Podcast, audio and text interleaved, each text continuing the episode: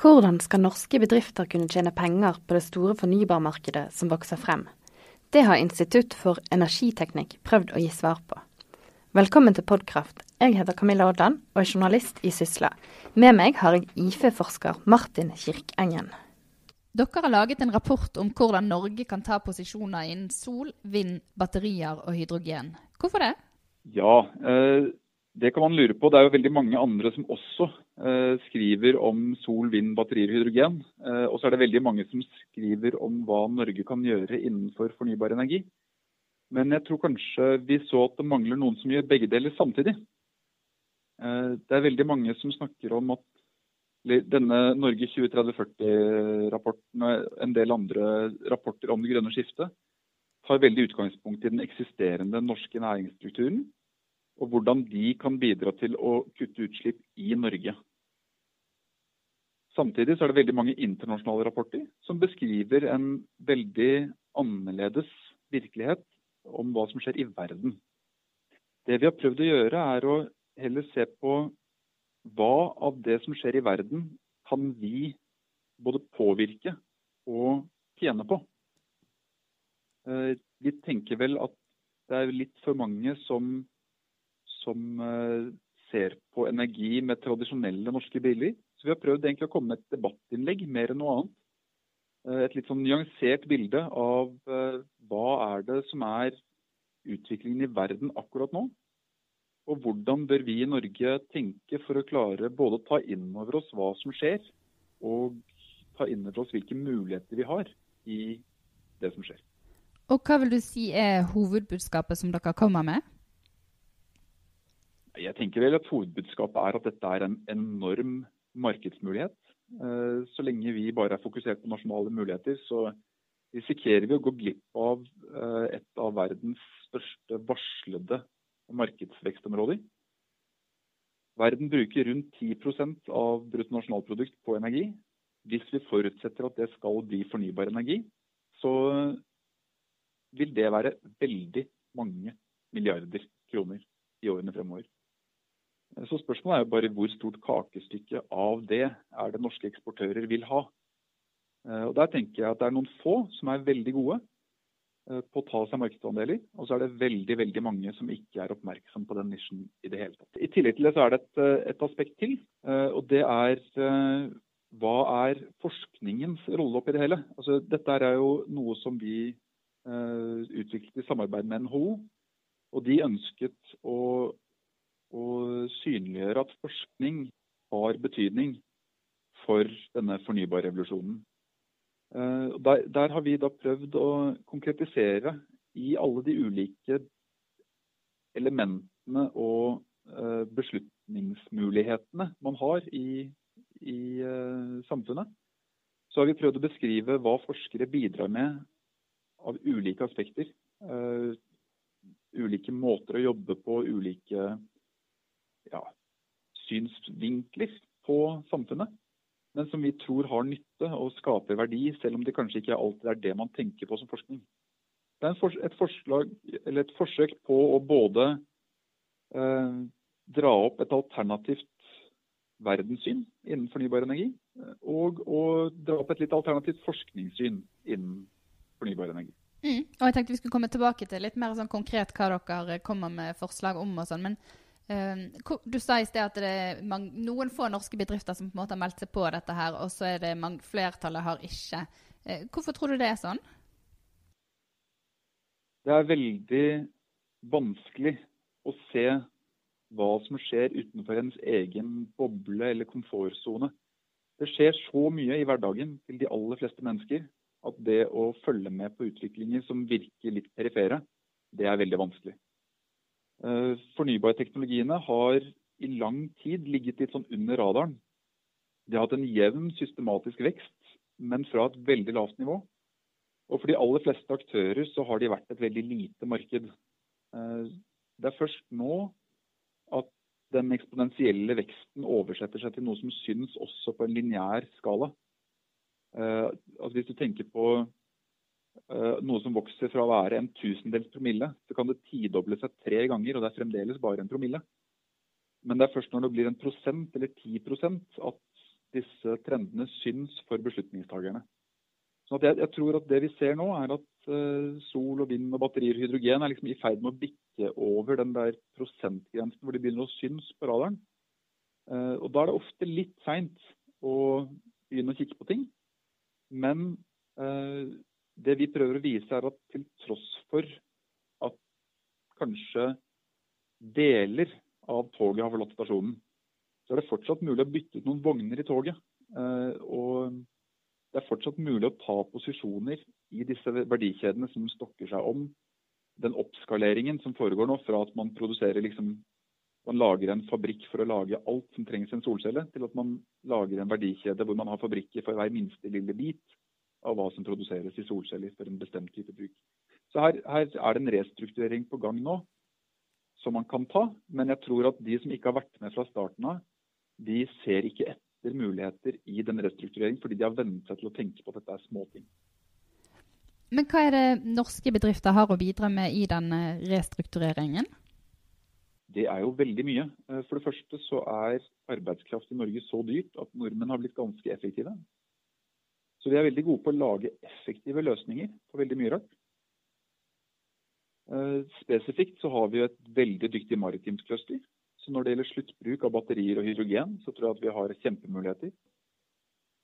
Så har vi en veldig god prosessindustri på, som er gode på å lage avanserte materialer med lavt uh, energiavtrykk og miljøfotavtrykk. Og veldig mye av det som skal installeres nå, kommer jo til å ha store Altså å bruke store mengder spesialiserte materialer. Da kan vi enten velge å bare selge råvaren, eller så kan vi foredle råvaren ett trinn, eller to trinn, eller tre trinn i Norge. Så her er det igjen et spørsmål om hvor stor andel av verdikjeden er det vi skal ha kontroll på. Eh, og da må vi kanskje velge å, som Elkem har gjort, å lage egne fabrikker for solcellesilisium, istedenfor bare å tenke at vi skal selge silisium. I tillegg til det så har vi jo f.eks. for eh, offshore vind så har vi selskaper som bruker den maritime kompetansen over i en maritim anvendelse av, av vindturbiner, som også er en, et område i stor vekst. Hvor Norge har noen aktører som har tatt veldig gode posisjoner allerede. Eh, og I denne rapporten så kommer dere med helt konkrete råd til både industrien og politikerne. Hvorfor gjør dere det? Eh, det er ikke ment som ekskluderende råd, det er ment som fantasivekkende råd.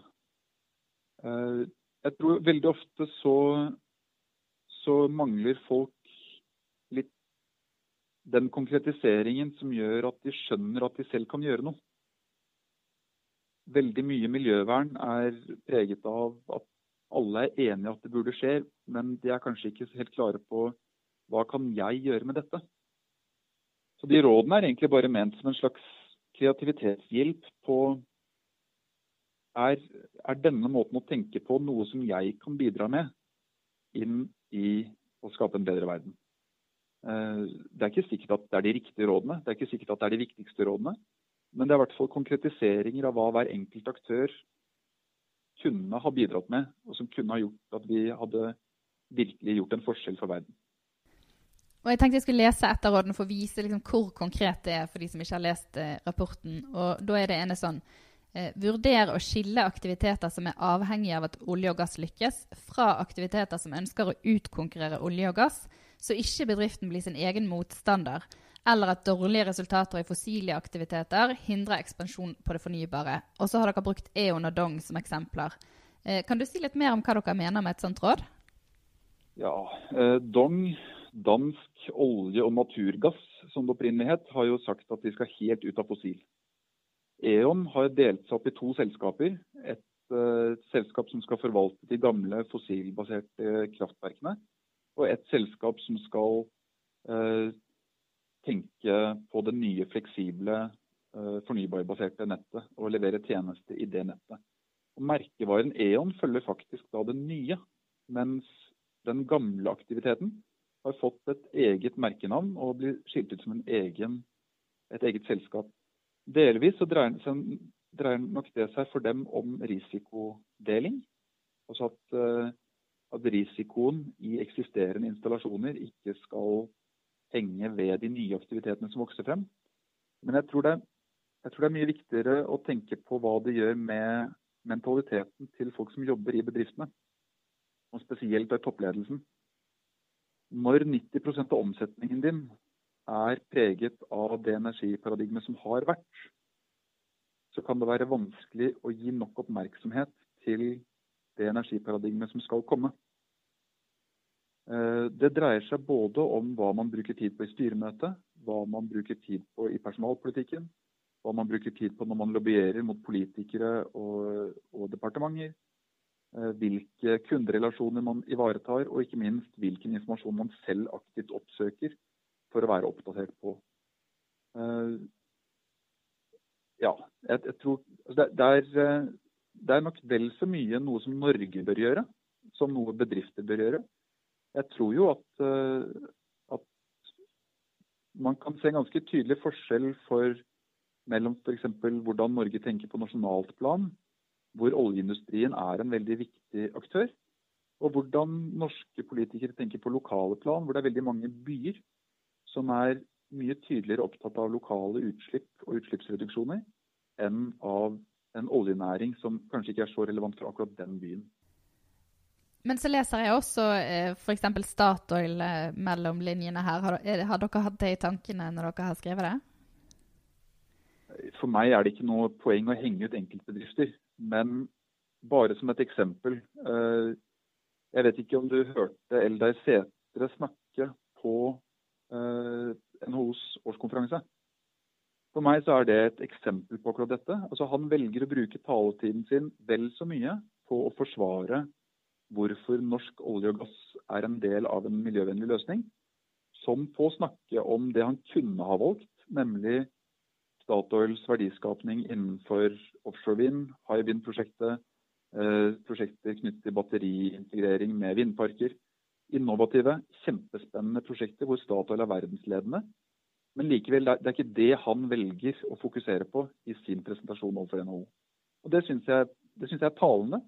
Samtidig så har opprettelsen av Statoil New Energy kanskje gitt en mulighet for å, å få personer i Statoil-systemet som får en helt reell mulighet til å fokusere på kun fornybar.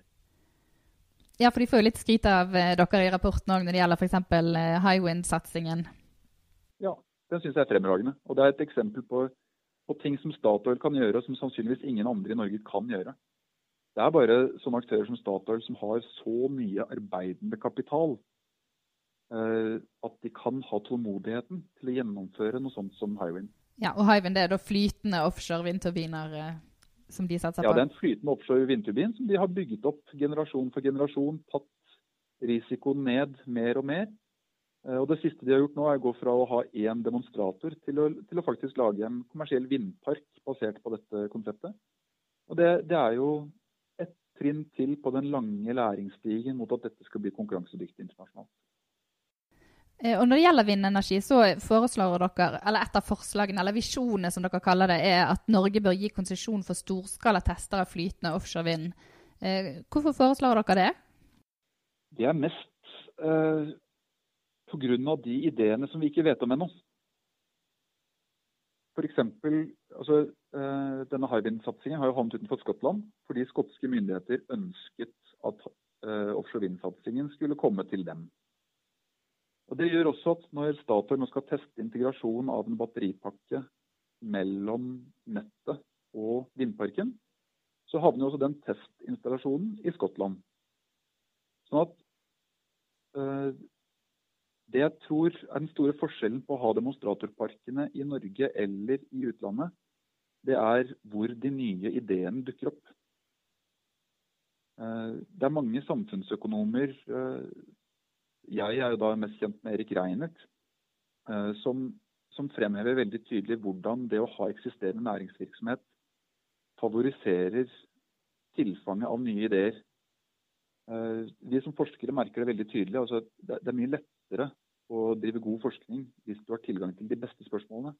Og Ofte i akademia så, så, kjører man seg litt fast i spørsmål som kanskje ikke er de mest økonomisk interessante.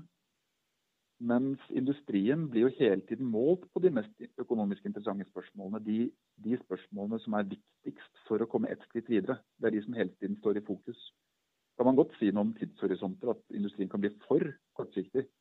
Men likevel, det at forskningsprosjekter og kommersielle prosjekter foregår i Norge, det gjør at man møter utfordringen her først. Og at man da blir oppmerksom på at ok, det, her var det et nytt problem vi ikke hadde tenkt på før. Hvem i nærheten er det som kan løse dette problemet for oss? Hvem er det vi skal gå og snakke med nå for å løse dette? Og da, Hvis de ideene dukker opp i Skottland, så er det ofte en skotsk aktør som er nærmest for å svare på det spørsmålet. Hvis ideen dukker opp i Norge, så er det ofte en norsk aktør som er nærmest. Så jeg tror det har en helt klar egenverdi for de som ikke er med på prosjektet, at dette foregår i Norge og ikke i utlandet. Men tror du dere blir hørt når det gjelder det? At, eh, for det med havvind har jo hatt en eh, Det skulle jo bli stort i Norge, og nå føler jeg at det ligger litt på is. Eh, tror du det kan komme opp igjen? Jeg er ikke spåmann. Jeg håper det. Jeg håper jo at sånne ting som Hvis jeg ikke hadde trodd at det kunne skje, så hadde jeg ikke giddet å skrive rapporten.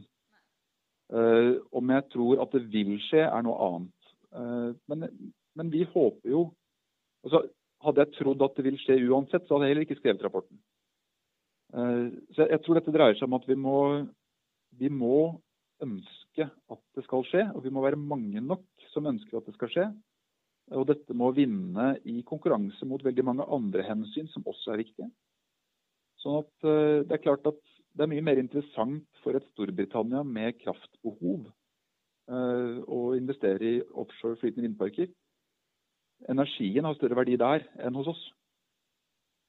Men selv om energien som sådan ikke har så stor verdi, så har kanskje læringen, og det at læringen skjer hos oss, stor nok verdi til at vi bør vurdere å betale noe av den merkostnaden.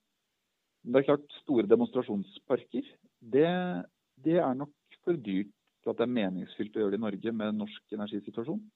Men små demonstratoranlegg og, og kanskje liksom småskala parker, litt sånn som den Hywind eh, bygges eh, den parken som bygges for Hywind i Skottland nå, at den, det trinnet burde vi kanskje fremdeles ta oss råd til å kjøre i Norge. Og Dere drar jo også opp noen visjoner for solenergi. Kan du si litt om hva dere ser for dere der? Ja, vi ser jo for oss mye. Eh, for det første så ser vi at for mange aktører så begynner det å bli ganske attraktivt å bygge solenergi i Norge. Eh, og det er i seg selv et spennende perspektiv. Men det som kanskje er er viktigere, er jo at solenergi i resten av verden er i ferd med å bli billigere enn norsk vannkraft. Og Det tror jeg kanskje ikke så mange norske politikere helt har tatt inn over seg hva det kan føre til av langsiktige konsekvenser. Men en av konsekvensene når man får sånne radikale prisgjennombrudd, er jo at det åpner seg opp veldig store markeder. Og Der syns jeg egentlig at den norske solklyngen har vært ganske kreativ allerede i å ta posisjoner. Eh, fra fra basis som med Elkem og, og uh, via da foredlingen i Nordsjøen og Norwegian Crystals, helt opp til storskala parkinstallasjon, sånn som uh, Scatec Solar driver med, så har vi egentlig norske aktører på veldig mange posisjoner i denne verdikjeden. Det vi mangler litt, er jo selvsagt selve solcellefabrikken. Uh, vi hadde RSCs fabrikker. Det er jo folk som har gjort beregninger på det og vist at under visse forutsetninger og visse typer teknologi, så er det ikke utenkelig at man kan være konkurransedyktig i Norge til tross for høye lønninger. Vi har andre fortrinn eh, som dreier seg om bl.a. kjølevann, strøm eh, og, og, billig kraft. Eh, LCA-perspektiv, altså livssyklusstudier, blir viktigere og viktigere også for solceller. Sånn at det norske nullutslippsenergisystemet kan være et konkurransefortrinn også for en solcellefabrikk.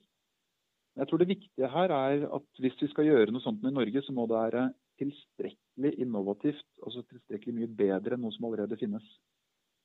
Eh, og det som allerede finnes, begynner å bli ganske bra. Altså. Så vi må nok opp i en, en celleteknologi à la 25-30 solcelleeffektivitet. Da finnes det til og med patenter på norske hender som man kunne valgt å bruke til å utvikle noe sånt. Så jeg, jeg mener at det, det kan være mulig, men det krever en betydelig satsing. Eh, det krever at man utnytter all tilgjengelig norsk kompetanse og kanskje trekker til seg litt ekstra. Og at man er ydmyk på, på hvilken skala fabrikk som kanskje etter hvert må bygges. Men i hvert fall en sånn eh, pilotfabrikk som i starten kan selge til et høybetalingsvillig nisjemarked, for så senere å kanskje bli oppskalert, litt sånn som RECs fabrikker ble oppskalert i Singapore. Og så la man etter hvert dessverre ned de norske linjene i en periode da, da situasjonen var vanskelig for alle i markedet. Eh, men eh, kanskje med, med, en mer robotisert linje og, og med god nærhet til f.eks. Bayfair-produksjonen til Nordsjøen eller Norwegian Crystals, så kanskje man kunne ha fått noe til å bli lønnsomt og varig også i Norge. Mm. Og dere har jo også gitt råd både på hydrogen og batteri, og nå er du også veldig konkret her på sol. Eh, tror du dette er råd som vil bli lyttet til? Det er jo først råd som må spres. Eh, så først må folk høre dem, eh, og så må vi spre dem. Eller så må vi spre forståelsen på hvorfor vi mener dette. Jeg tror jo det er mange som allerede lytter til denne tankegangen. Dette er ikke noe vi har funnet på. Dette her er tanker som er i omløp. Eh, som, eh, som er kommet frem til og luftet i diskusjon mellom mange ulike aktører. Spørsmålet er om de aktørene som har gjennomføringsevnen, og da spesielt tilgangen til kapital, er villige til noe sånt som dette. Da snakker vi både om norsk offentlig eierskap. altså Kunne man tenke seg at, at man hadde litt sånn som da, da, oljenæringen startet. Så man startet både private og statlige storskala selskaper i ulike varianter av Vi hadde jo Saga, Statoil og Hydro, som var ulike forretningsmodeller for hvordan man kunne rigge et slikt selskap. Det samme kunne man tenke seg innen fornybar, at man fikk samlet nok kapital som virkelig vil bygge noe i Norge. Eh, per i dag så tror jeg at det er litt for mange som sitter med enten kapital eller vilje. Og at de som har viljen, de bruker allerede kapitalen sin til det ytterste. Mens det er veldig mange som sitter med kapital som ikke helt har tatt inn over seg at de kunne ha brukt den inn mot fornybar på en ganske så lønnsom måte. Jeg vet ikke om, om vi klarer å skifte på et norsk verdisyn nok til at nok penger vil dette. Men eh, dersom det skjer, så er det i hvert fall veldig mange aktører som har lyst til å være med. Ja, Man må koble viljen og kapitalen, på en måte? Jeg tror at, eh, at, i Norge så er det så mye både kapital og så mange beslutningstagere som ganske enkelt ikke har brukt nok tid på å ta inn over seg hva fornybar energi dreier seg om, til at de har realitetsvurdert det skikkelig. Eller at de realitetsvurderte det for en tre-fire år siden og holder fast ved en konklusjon som kanskje kan ha endret seg siden da. Mm. Og, og dere la, lanserte jo denne her eh, rapporten i forrige uke. Har dere fått noen eh, respons etter det? Vi får jo noe, eh, men den første responsen kommer jo fra de vi kjenner best. Og de, de er jo enig i dette her. Så jeg er egentlig mye mer nysgjerrig på om vi kan klare å få litt respons fra de som opplever dette som litt mer overraskende. Det, det øyeblikket energiministeren ringer og sier at han har lest rapporten og syns at den var spennende og kunne diskutert litt, dette litt nærmere, da, da syns jeg det er veldig spennende. Ja, og da syns jeg at vi skal, vi skal snakkes igjen og høre om det blir mer konkret ut av dette her. Ikke sant. Så jeg, jeg tror vi skal gi det litt mer tid. Dette er en 60-siders rapport som har til hensikt å få folk til å tenke litt. Og målgruppen her er ikke de som vet dette fra før. Målgruppen er de som trengte å tenke litt annerledes enn de har vært vant til. Og da tror jeg det også kan ta litt tid før de kommer til oss og, og sier noe om hva de har tenkt. Eh, og da lar jeg det være siste ord. Tusen takk skal du ha. Den er god.